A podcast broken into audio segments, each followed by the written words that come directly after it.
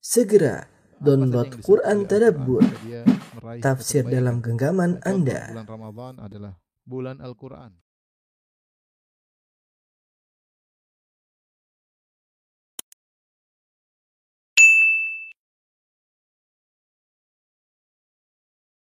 Bismillahirrahmanirrahim. Assalamualaikum warahmatullahi wabarakatuh.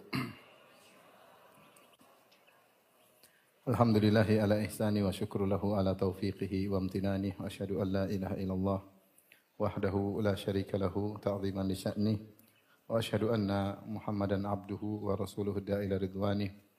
Allahumma salli alaihi wa ala alihi wa ashabihi wa ikhwani. Bapak-bapak dan Ibu yang dirahmati oleh Allah Subhanahu wa taala. Alhamdulillah puji dan syukur kita panjatkan kepada Allah yang masih memberikan kita kesempatan untuk bisa duduk bersama untuk saling menasihati pada perkara yang penting yaitu tentang bagaimana agar aib kita ditutup oleh Allah Subhanahu wa taala di dunia maupun di akhirat ya. Karena kita sama-sama tahu bahwasanya di antara perkara yang eh, mengerikan ketika aib kita dibongkar oleh Allah Subhanahu wa taala di dunia dan lebih ngeri lagi jika dibongkar di akhirat. Sungguhnya ketika Allah menutup aib kita itu adalah nikmat yang luar biasa ya. Nikmat yang yang luar biasa. Karena jika Allah membuka aib kita sedikit saja, maka orang akan menjauh dari kita, merendahkan kita, menghinakan kita. Ya, makanya eh, sebagaimana perkataan Muhammad bin Wasi' "Lau kana lidzunubi rih ma jalasa ilayya ahad." Seandainya dosa-dosa itu ada aromanya, maka tidak seorang pun akan duduk denganku, ya. Seandainya setiap dosa ada aromanya dan tercium dari tubuh kita oleh orang lain, tentu tidak ada seorang pun yang mau duduk dengan kita karena kita sadar tidak ada seorang pun dari kita yang luput dari dosa-dosa. Oleh karena suatu nikmat ketika Allah menutup aib seseorang. Bahkan sebagian salah berkata, saya tidak tahu mana nikmat yang lebih besar. Apakah diberi taufik oleh Allah untuk melaksanakan amalan-amalan soleh, ataukah ditutup aibku oleh Allah Subhanahu wa taala. Dua-dua adalah anugerah yang besar, diberi bimbingan oleh Allah untuk beramal soleh dan tidak kalah besar adalah ditutup aibnya oleh Allah Subhanahu wa taala. uh, maka pada kesempatan kali ini kita ingin membahas hal ini agar aib kita ditutup oleh Allah di dunia terlebih lagi ditutup oleh Allah di akhirat kelak. Jika di dunia seorang tertutup aibnya sudah terbuka aibnya sudah memalukan apalagi di hari pembalasan. Tidaklah dibuka aibnya kecuali berdampak yang sangat buruk. Berdampak yang sangat sangat buruk. Ikhwan dan akhwat yang dirahmati oleh Allah Subhanahu wa taala.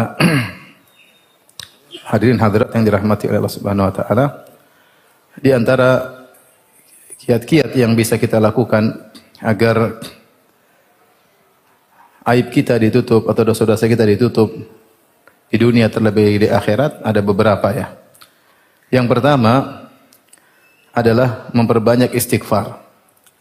Sering kita berkata astaghfirullah atau rabbi ghufirli, Allahumma ghufirli. Semua lafal-lafal yang maknanya adalah meminta maghfirah dari Allah Subhanahu wa taala. Karena kita tahu adalah Allah adalah Ghafur, Ghaffar dan Ghafir. Allah Maha pemberi maghfirah ya.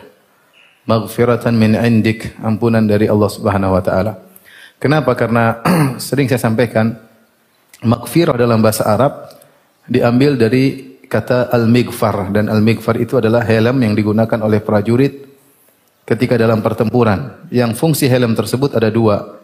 Yang pertama menutup kepala sang prajurit dan yang kedua adalah menghalangi hantaman pedang musuh. Menghalangi hantaman pedang musuh. Tidak semua penutup kepala disebut dengan mikfar. Sebagaimana dijelaskan oleh Ibnul Qayyim rahimahullah ta'ala. Contohnya sorban, ya, imamah, tidak disebut mikfar dalam bahasa Arab. Contohnya kolan sua, yaitu songkok, tidak disebut mikfar dalam bahasa Arab. Kenapa? Karena sorban dan songkok fungsinya hanya menutup, namun tidak menghalangi dari hantaman pedang musuh. Berbeda dengan helm prajurit. Helm prajurit disebut dengan mikfar karena dia memiliki dua fungsi menutup sekaligus menghalangi dari hantaman pedang. Karenanya jika seorang berkata kepada Allah, Allahumma gufirli, ya Allah, berilah maghfirah kepadaku. Maksudnya ya Allah tutuplah dosa-dosaku sebagaimana helm menutup kepala seorang prajurit dan hindarkanlah aku dari dampak maksiat. Karena dampak maksiat itu menghantam. Ketika kita sering istighfar maka dampak tersebut tidak mengenai kita. Maksiat pasti punya pasti punya dampak. Walabut harus pada dampaknya. Minimal mengotori kolbu. Kalau seorang sering bermaksiat, kolbunya menjadi terkena noda hitam dan semakin sering banyak maksiat, maka semakin hitam dan dia akhirnya sulit untuk khusyuk dalam salat dan hatinya kotor dan yang lainnya. Maka ketika seorang sering mengucapkan astagfirullah, astagfirullah, rabbi gufirli, rabbi gufirli, Allahumma gufirli, Allahumma gufirli, gufranaka. Ini semua adalah ungkapan-ungkapan untuk meminta maghfirah. Sering kita ketika mengucapkan astagfirullah, dalam benak kita maknanya hanyalah, ya Allah aku mohon ampunan. Ya. Itu makna sederhana. Sebenarnya makna yang detail, sebagaimana dijelaskan oleh Ibnu Qayyim rahimahullah ta'ala, maknanya adalah, ya Allah tutuplah aib-aibku di dunia maupun di akhirat. Kemudian hindarkanlah aku dari dampak dosa di dunia maupun di akhirat. Dan kita betapa butuh sering untuk beristighfar. Dan saya punya kajian khusus tentang istighfar. Uh, intinya Rasulullah SAW bersabda, Tuba liman wajada fi sahifatihi istighfaran kathira. Sungguh beruntung orang yang mendapati dalam catatan amalnya banyak istighfar. Banyak istighfar. Maka nasihat saya kepada saya, diri saya pribadi. Dan juga kepada hadirin dan serta terutama ibu-ibu yang dirahmati oleh Allah Subhanahu wa taala. Sering basahi lisan dengan astagfirullah, astagfirullah, astagfirullah. Apalagi dosanya ibu-ibu banyak ya. banyak ya. Dosa sama suami apalagi lebih lebih banyak. Angkat suara, membangkang, mendelik sama suami. Dan macam-macam. Ibu-ibu yang lebih tahu ya. Saya hanya menyampaikan sebagian contoh doang ya. Oleh karenanya sering-sering bilang apa? Astagfirullah. Lagi goreng nasi bilang apa? Astaghfirullah. Lagi setir naik motor bilang apa? Astaghfirullah. Lagi naik mobil, astaghfirullah. Sering. Mudah sambil dihayati. Kita ingin istighfar yang berkualitas. Astaghfirullah, astaghfirullah, astaghfirullahaladzim, astaghfirullahaladzim. Sering ya. Rasulullah SAW sekali duduk bisa terdengar bila beristighfar sampai 100 100 kali. Apalagi kita. Apalagi kita. Tapi ini kiat yang pertama agar aib kita ditutup oleh Allah dengan berbanyak istighfar. Yang kedua, agar aib kita ditutup adalah kita menutup aib kita sendiri. Jangan cerita kepada orang lain. Jangan cerita kepada orang lain. Dalam satu hadis Rasulullah SAW bersabda, Kullu ummati mu'afan ilal mujahirin. Sungguhnya seluruh umatku mu'afan. Mu'afan itu dari al-afiyah, mendapatkan keselamatan. Sebagian orang menafsirkan dimaafkan. Ini secara secara bahasa salah. Mu'afan itu artinya mendapatkan al-afiyah. Meskipun kelazimannya adalah dimaafkan. Tapi kullu ummatin mu'afan, yaitu terselamatkan. Ilal mujahirin kecuali orang-orang yang menampakkan maksiatnya. Wa inna minal mujaharah dan di antara bentuk al-mujaharah yaitu terang-terangan menampakkan maksiat an ya'mal ar-rajulu bil laili amalan seorang bermaksiat di malam hari Thumma yusbihu wa qad satarahu Allahu alaih. Semalam itu Allah tutup aibnya, tidak ada yang tahu. Dia bermaksiat sendiri. Dalam kamarnya atau sedang bersafar, tidak ada yang tahu dia. Tidak ada yang kenal dia, dia bermaksiat. Allah telah tutup aibnya. Thumma yusbihu, kemudian di pagi hari, dia berkata, cerita sama temannya, Ya fulan, amiltul barihata kada wa kada. Wahai fulan, semalam saya bermaksiat begini dan begini. Waqad bata yasturuhu rabbuhu. Padahal semalam Allah sudah tutup aibnya wa yusbihu yakshifu sitrallahi anhu di pagi hari dia buka tirai yang Allah berikan untuk menutup aibnya dia buka sendiri ini tidak selamat ya para ulama ada dua pendapat secara umum tentang makna kullu mu'afan ilal mujahirin semua umatku mu'afan selamat kecuali orang yang menampakkan kemaksiatan apa makna mu'afan? Mu'afan ada yang mengatakan maknanya adalah uh, terselamatkan dari dosa-dosa. Artinya kalau dia melakukan maksiat, dia diam-diam, tidak cerita sama siapa pun, ini mudah untuk diampuni oleh Allah Subhanahu wa taala. Ini pendapat. Namun pendapat lain mengkritiki pendapat ini. Pendapat kedua mengatakan ini masuk dengan mu'afan itu selamat dari omongan orang.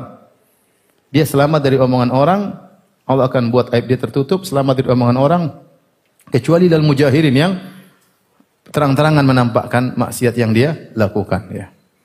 Dua-duanya ada dalilnya masing-masing. Ya. Ya. Uh, Al-mujahirin itu orang yang bermujaharah, terang-terangan bermaksiat. Buka aurat di depan banyak orang tanpa malu-malu. Ya. Uh, minum khamar di depan banyak orang tanpa malu-malu. Berjoget-joget di depan lelaki tanpa malu-malu. Dan ini dampak TikTok ya. TikTok apa TokTik? Ya. TikTok ya. Uh, orang nggak punya malu ya. Yang lebih parah lagi kemudian berciuman atau ya melakukan hal maksiat di hadapan banyak orang tanpa malu-malu. Seperti ini tidak dimaafkan menurut penafsiran yang pertama. Orang seperti ini tidak dimaafkan oleh Allah Subhanahu wa taala. Kemungkinan dimaafkan kecil. Dan biasanya kalau orang melakukan maksiat diam-diam dia pasti malu. Nama setiap orang melakukan maksiat pertama kali dia pasti malu, pasti dia malu. Tidak usah jauh-jauh. Taruhlah misalnya dia merokok, dia pasti malu pertama-pertama. Lihat orang gak enak. Tapi kalau sudah lihat orang banyak orang, santai aja misalnya ya. Demikian orang minum-minum khamar sembunyi-sembunyi. Tapi kalau sudah ketahuan sekali, dua kali mulai rasa malunya hilang. Terus setelah itu cuek. Orang mau ngomong apa ter terserah. Wanita pertama kali keluar dari rumah kemudian menampakkan mohon maaf misalnya pahanya keluar pasti pertama dia malu nggak enak risih apa segala tapi sekali dua hari tiga hari empat hari seminggu udah bebas buka yang lain pun lebih nggak ada masalah ya sehingga orang seperti ini susah untuk dimaafkan karena dia sudah santai dengan maksiat yang dia lakukan karena awalnya ketahuan malu ketahuan kedua malunya mulai berkurang dan akhirnya cuek aja bablas cuek aja. Ya. Saya pernah di kampung, saya masih kecil dulu. Pasangan laki wanita kemudian dari malu-malu pacaran-pacaran sampai akhirnya berzina akhirnya hamil. Ketika sudah hamil ketahuan hamil, dia cuek aja jalan depan kampung, hamil perutnya besar. Sudah ketahuan mau diapain. Hilang rasa rasa malu. Harusnya kan tak malu. Tapi udah ketahuan, ya udah santai aja. Perut besar nggak ada suaminya, cuek aja jalan depan mana. Maka kemungkinan orang yang menampakkan kemaksiatan malu-malu, orang ini susah untuk dimaafkan. Kemudian Rasulullah SAW menjelaskan di antara bentuk membuka aib bukan sekedar melakukan di hadapan orang, di antaranya bentuk membuka aib adalah dengan bercerita. Makanya Rasulullah SAW mengatakan, wa inna minal mujaharah di antara bentuk terang-terangan an ya'mal ar-rajulu bil amalan seorang laki-laki berbuat maksiat di malam hari. Malam di sini bisa jadi sebaliknya siang, tapi kebanyakan orang bermaksiat itu biasanya di malam di malam hari. Karena itu orang sedang tidur, orang sedang pulas, suasana hening sehingga dia maksiat tidak ada yang mengetahui. An ya'mal rajulu bil laili amalan, seorang melakukan maksiat di malam hari, thumma yusbihu wa qad satarahu Allah alaih. Kemudian pada malam hari itu Allah tutup aibnya.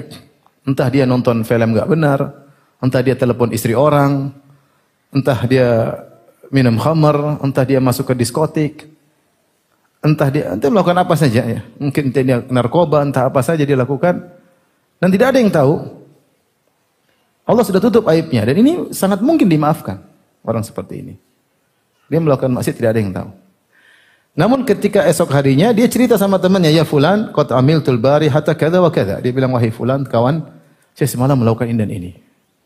Ya, subhanallah, Allah sudah tutup aibnya, dia buka tirai penutup aibnya tersebut. Seperti ini termasuk mujaharah dan susah diampuni oleh Allah Subhanahu wa taala.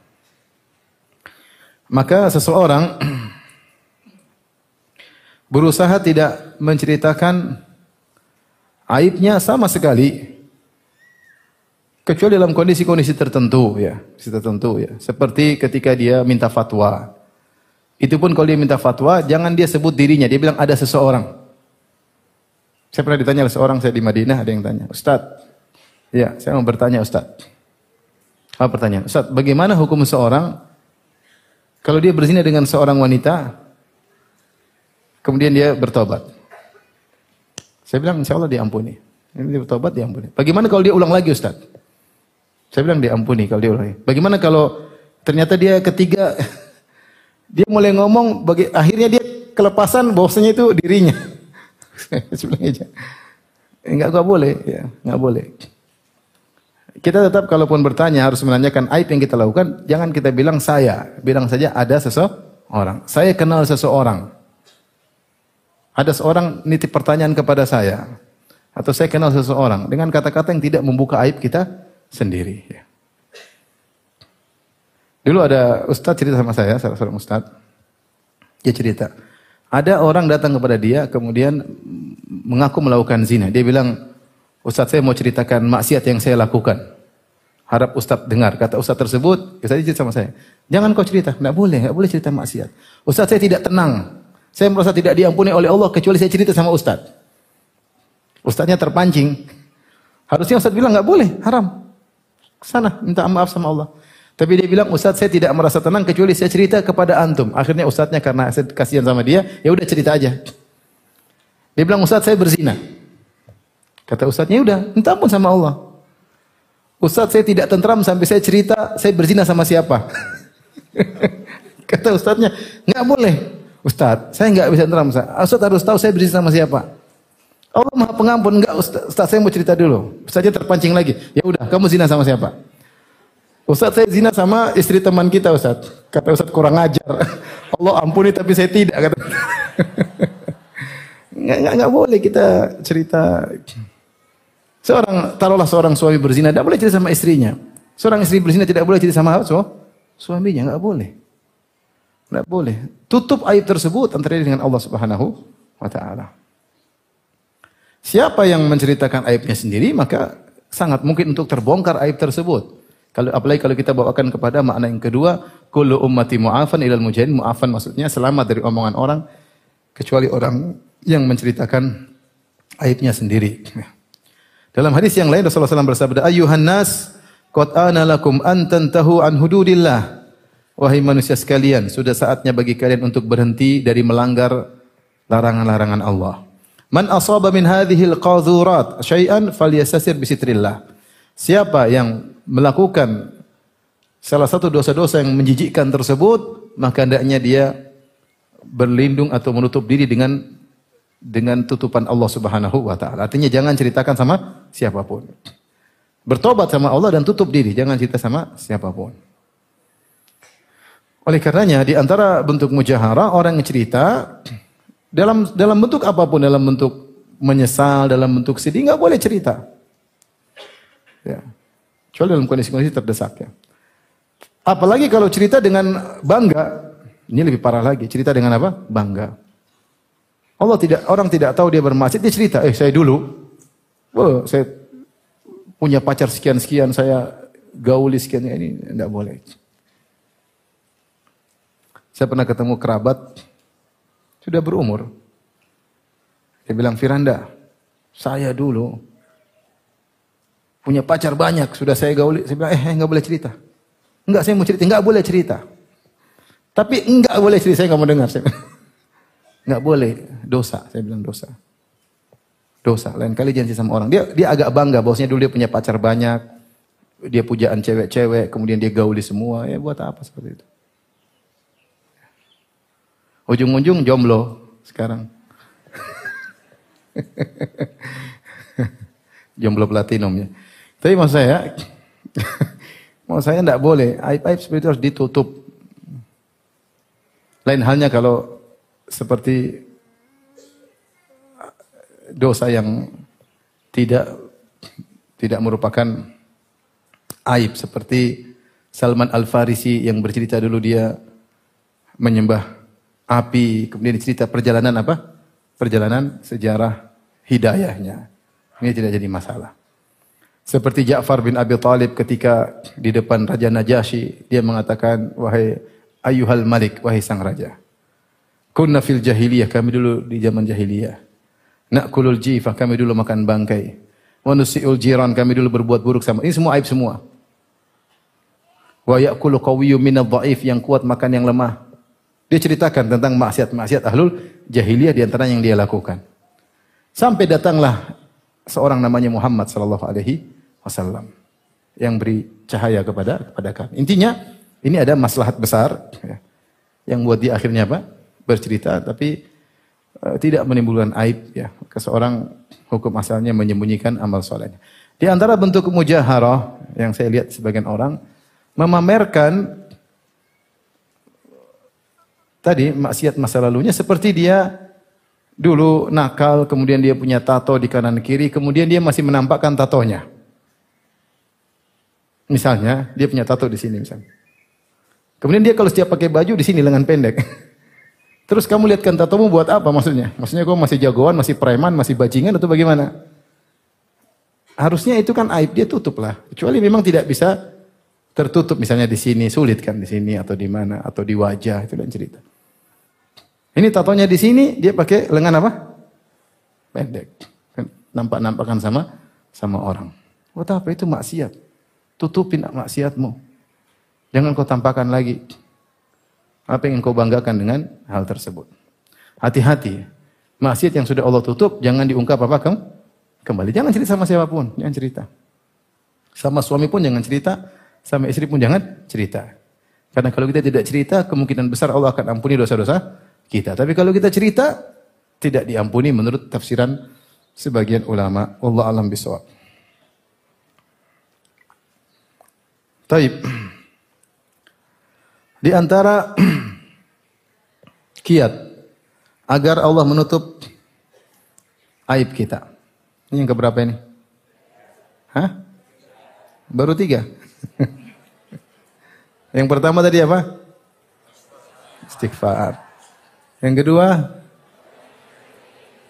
Ya, jangan melakukan maksiat terang-terangan.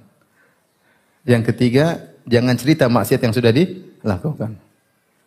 Tulis poin yang benar, yang satu ini, yang dua ini, yang tiga ini. Ibu bukan sekolah pagi kan, bukan sekolah sore. Baik. Yang keberapa sekarang? Yang keempat. Yang keempat, agar aib kita ditutup, redam amarah. Redam amarah. Apa korelasinya? Allah alam.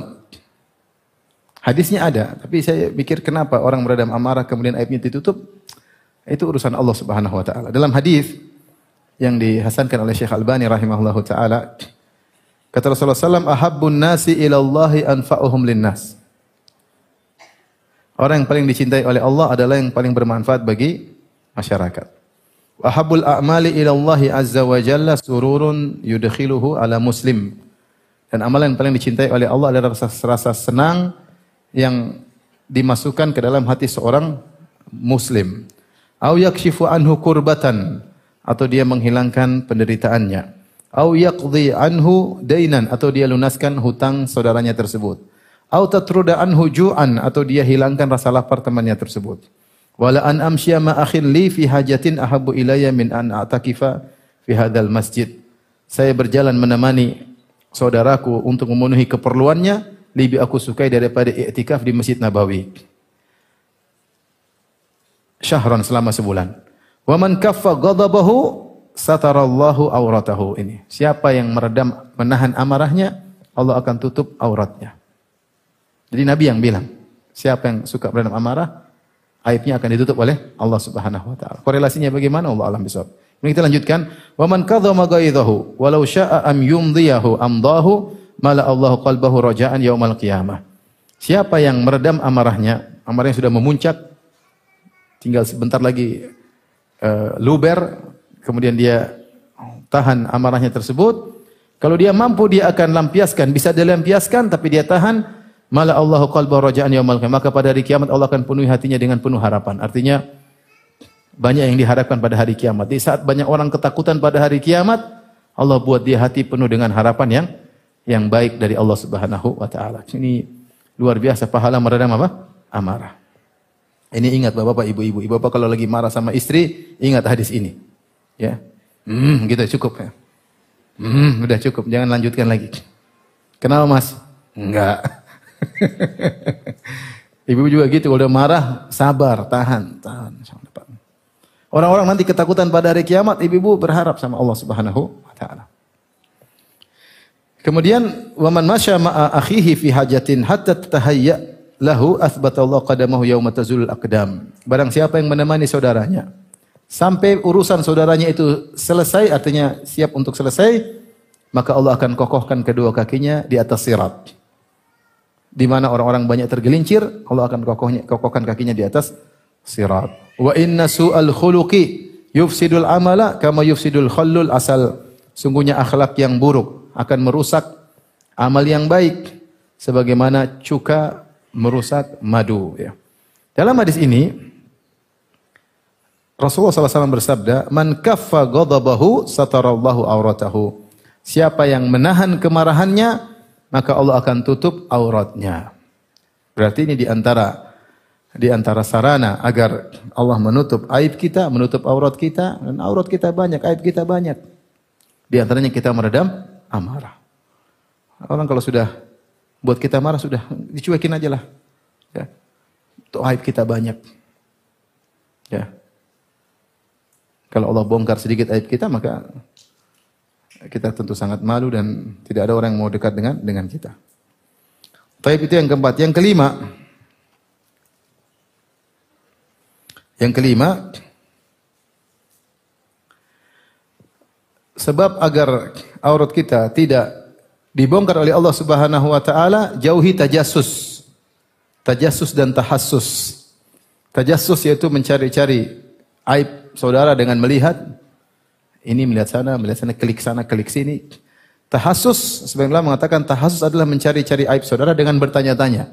Gimana si fulan? Terus kemarin ke mana? Gimana ini namanya? Tahassus dengan mendengar-dengar kabar, tajassus dengan melihat. Dua-duanya dilarang. Wala tajassasu. Jangan mencari-cari aib dengan melihat.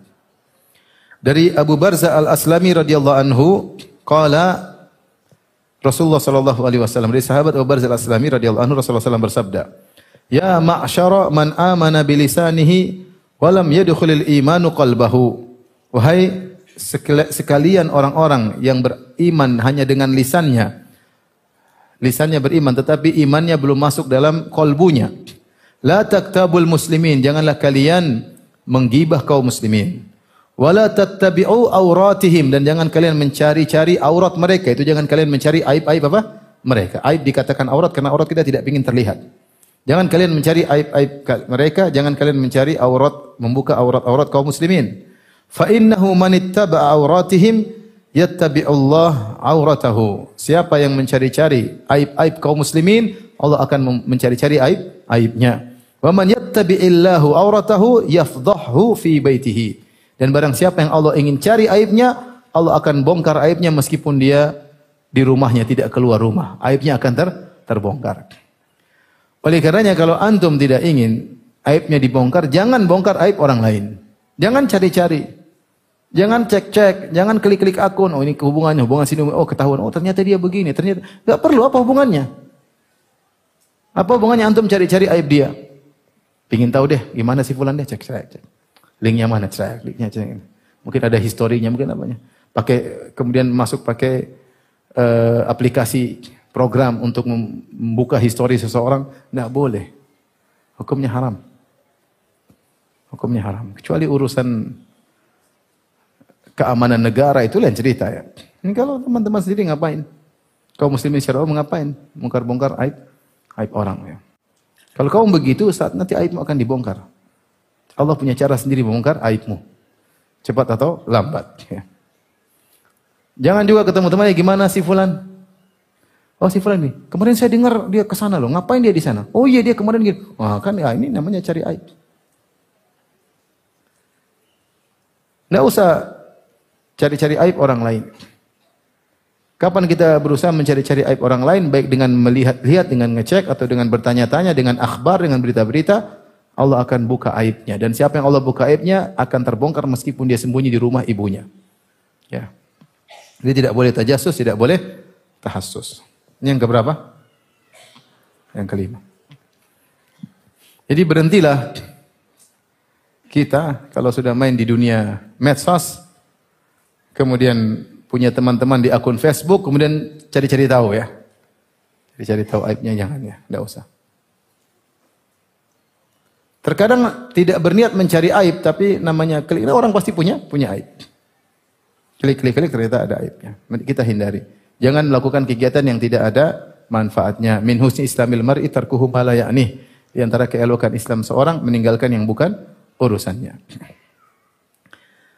Sebagian ulama mengatakan tajassus, ghibah, tajassus, mencari-cari tahu uh, urusan orang lain ya maka ini adalah sifat orang munafik sebagaimana disebut dalam Aunul Ma'bud.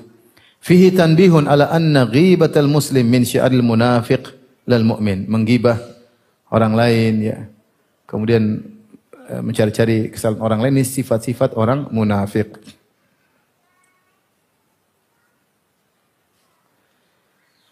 Taib. Sebab yang terakhir agar aib kita ditutup oleh Allah Subhanahu wa taala adalah kalau kita tidak mencari-cari aib seseorang, ternyata aibnya terlihat tanpa kita cari-cari, saatnya kita tutup. Saatnya kita tutup. Nabi SAW bersabda, ya, Man nafasa an mu'min kurbatan min kurabid dunya nafasallahu anhu kurbatan min kurabil akhirah. Siapa yang meringankan penderitaan seorang mukmin di dunia, Allah akan ringankan penderitaannya di akhirat. Wa man satara ala muslimin satarahu Allah fid dunya wal akhirah. Siapa yang menutup aib seorang muslim, maka Allah akan tutup aibnya di dunia maupun di akhirat. Wallahu fi aunil abdi makanal abdu fi auni akhihi. Allah senantiasa menolong seorang hamba jika seorang hamba menolong saudaranya. Di sini kalau kita tutup aib seseorang di dunia, Allah akan tutup aib kita di dunia dan di akhirat. Dan ini al jaza menyisil amal, balasan sesuai dengan perbuatan. Dan subhanallah, Allah bukan cuma menutup aib kita di dunia. Bahkan Allah menutup aib kita di dunia dan terlebih lagi di mana di di akhirat. Kita tidak ingin kita tidak mencari-cari aib saudara kita. Namun saudara kita aibnya terbongkar di hadapan mata kita. Entah kita melihat, entah tiba-tiba ada yang cerita, ya. Ya. Ada yang menggibah saudara kita depan kita tanpa kita sadari, akhirnya kita tahu aibnya, ya tanpa sengaja kita melihat dia di suatu tempat yang meragukan ya. Tanpa sengaja kemudian kita lihat dia menonton sesuatu yang tidak benar ya. Artinya kita tidak mencari aib saudara kita tapi kemudian terlihat di hadapan kita. Maka saatnya kita tutup, jangan cerita sama orang orang lain. Kalau kita mau nasihati silakan itu yang terbaik. Kita nasihati yang terbaik. Bukan berarti kalau kita tutup tidak kita nasihati. Kalau memungkinkan kita untuk menasihati, nasihati. Tapi jangan ceritakan sama orang orang lain. Sebagian orang bangga kalau tahu aib orang. Ada orang-orang yang seperti itu sifatnya. Ya. Ember apa? Ada cerita, oh saya tahu, oh itu begini, ibu tahu, ibu ini, ibu itu saya tahu, oh ibu, oh ya saya tahu ibu itu. Ibu ini, ah itu, yang tinggal di Depok kan, ya kan, di Depok, ya, iya saya tahu. Kalau ngaji di belakang suka ngomong sendiri kan, nah itu saya tahu. Kalau lagi ngaji dia tidur, nah, itu saya tahu. Jadi bangga ketahui aib-aib orang orang lain. Ini masalah seperti ini. Masalah ya. Kita kalau tahu aib orang lain kita tidak usah cerita. Makanya kalau ada orang ingin cerita aib sama orang lain pada kita, kita nggak usah dengar. Saya pernah datang ada seorang wanita datang ke rumah, saya lagi sama istri. Datang dari jauh-jauh, dari luar negeri datang. Kemudian dia bilang, Ustadz, Ustadz tahu kisah si Fulan enggak? Saya bilang enggak. Istri saya juga, Mbak tahu enggak? Enggak. Ustaz dengar, saya mau cerita. Enggak, saya enggak mau cerita. Saya enggak mau dengar. Ustaz sebentar aja, sebentar. Enggak, enggak, enggak saya enggak mau dengar. Enggak, ini Ustaz cuma ini versi saya Ustaz. Enggak, saya enggak mau dengar. Dia agak jengkel enggak? saya juga enggak mau dengar. Ngapain saya dengar-dengar? Nambah ngabisi apa namanya hardis saya. Hardis sudah mau penuh, mau dihabisi dengan berita yang enggak ada manfaatnya ya. Saya bilang saya enggak mau dengar. Istri bilang saya enggak mau dengar, Mbak. Enggak mau. Udah, Mbak. Urusan sendiri saya enggak mau dengar. Ya. Jangan. Saya dengar juga saya mau bikin apa, saya nggak bisa bikin apa-apa. Tapi kalau kita berusaha untuk diri tidak mengetahui aib orang lain. Kalau ketahuan aib orang lain kepada kita, maka kita jangan cerita sama siapa pun. Terlebih lagi kalau orang tersebut datang sama kita, kemudian dia bilang rahasiakan atau lagi curhat. Itu lebih lebih lebih amanah lagi, lebih tertekan lagi. Kata Nabi SAW, Ar-rajulu idha haddatha rajulan faltafata anhu fahiya amanah. Jika ada seorang datang, kemudian ngobrol sama seorang, kemudian dia berpaling, maka pembicaraan itu adalah pembicaraan apa? Amanah. Nggak boleh cerita sama orang, eh kemarin si fulan datang sama saya, dia bilang, ini nggak boleh. Kalau dia mau cerita, dia minta izin. Adapun dia bongkar aibnya sama orang, nggak boleh. Ini namanya tidak amanah. Nah, kapan kita kita kita ini kita kadang tahu aib teman-teman kita, benar. Saya artinya saya tahu banyak. Saya tahu banyak aib orang karena saya ustadz. Sekarang masalah banyak. Kadang saya nggak mau dengar pun harus apa men? mendengar. Kadang ibu-ibu telepon nangis ngeluhkan suaminya, aib semua suaminya saya dengar. Kadang suaminya cerita aib istrinya saya pun dengar. Saya mau bagaimana ya? Kalau saya nggak dengar saya nggak tahu masalahnya apa. Dia bilang Ustadz ini ada permasalahan. Permasalahannya apa? Pokoknya ada masalah. Kan repot. Permasalahannya apa? Aduh Ustaz saya nggak mau cerita aib suami saya. Ya sudah, saya nggak bisa berfatwa. Apa mau saya jawab? Akhirnya dia mulai cerita. Kadang saya panggil dua orang, dua-duanya ke rumah. Mulai suaminya cerita, isi saya gini, nah mas buka aib saya depan Ustadz. Repot, intinya kita kadang nggak mau tahu aib orang, tapi akhirnya kita pun tahu. Dan kita sadar, benar kita tahu aib banyak orang, tapi aib kita sendiri sangat banyak. Kalau kita ingin aib kita ditutup oleh Allah, jangan cerita aib orang orang lain. Ya, biasakan diri kalau tahu aib orang, alhamdulillah saya bisa menutupnya.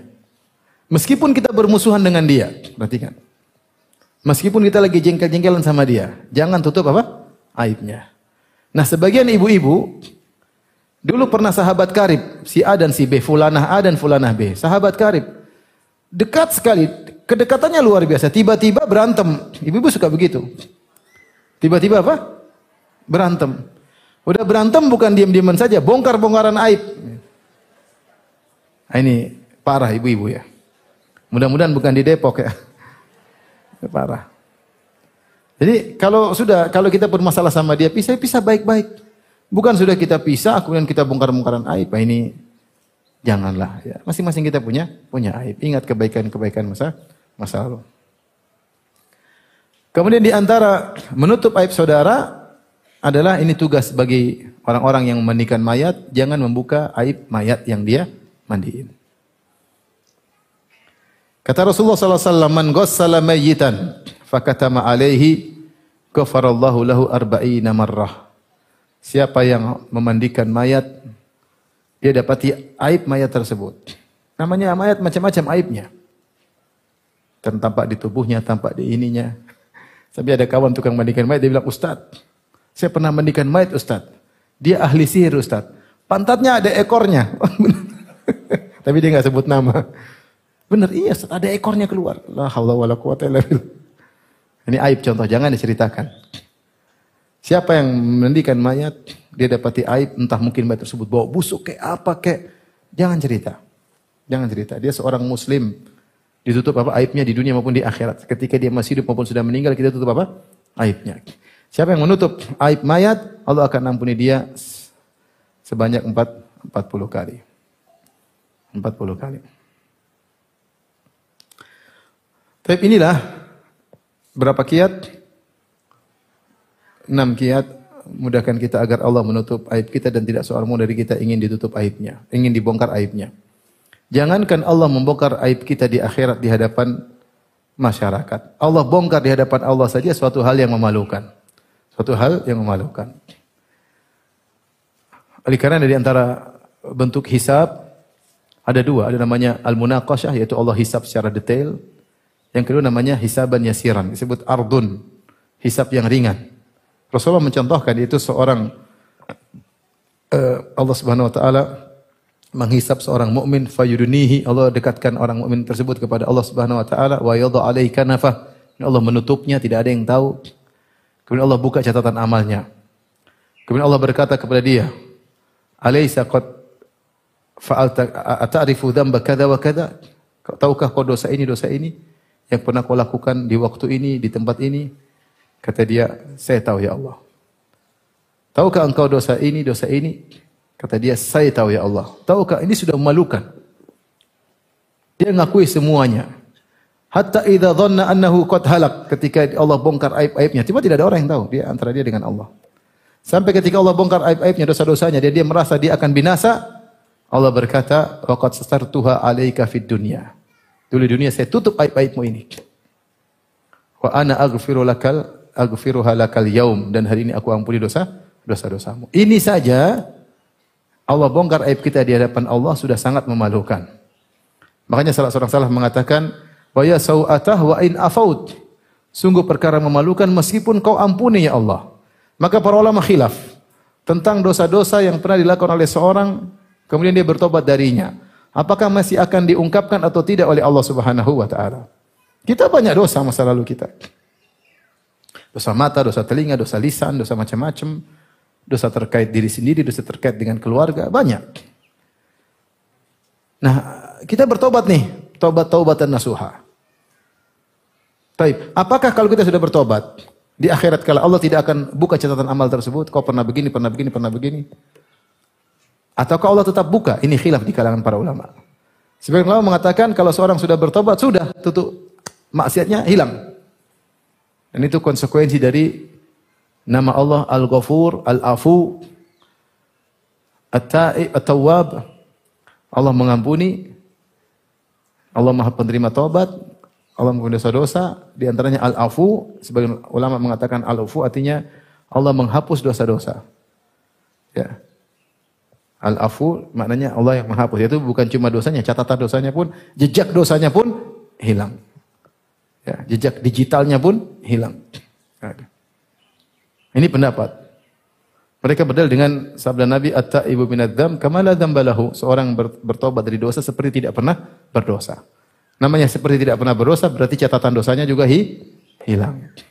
Pendapat kedua mengatakan tidak, tetap terbuka catatan tersebut.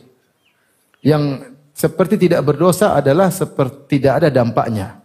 Dampak dari dosa tersebut, hukuman dosa tersebut hilang karena dia sudah bertobat dan diampuni oleh Allah Subhanahu wa taala. Adapun catatannya tetap tetap ada dan akan diperlihatkan oleh Allah kepadanya pada hari kiamat kelak dan itu perkara yang sangat memalukan.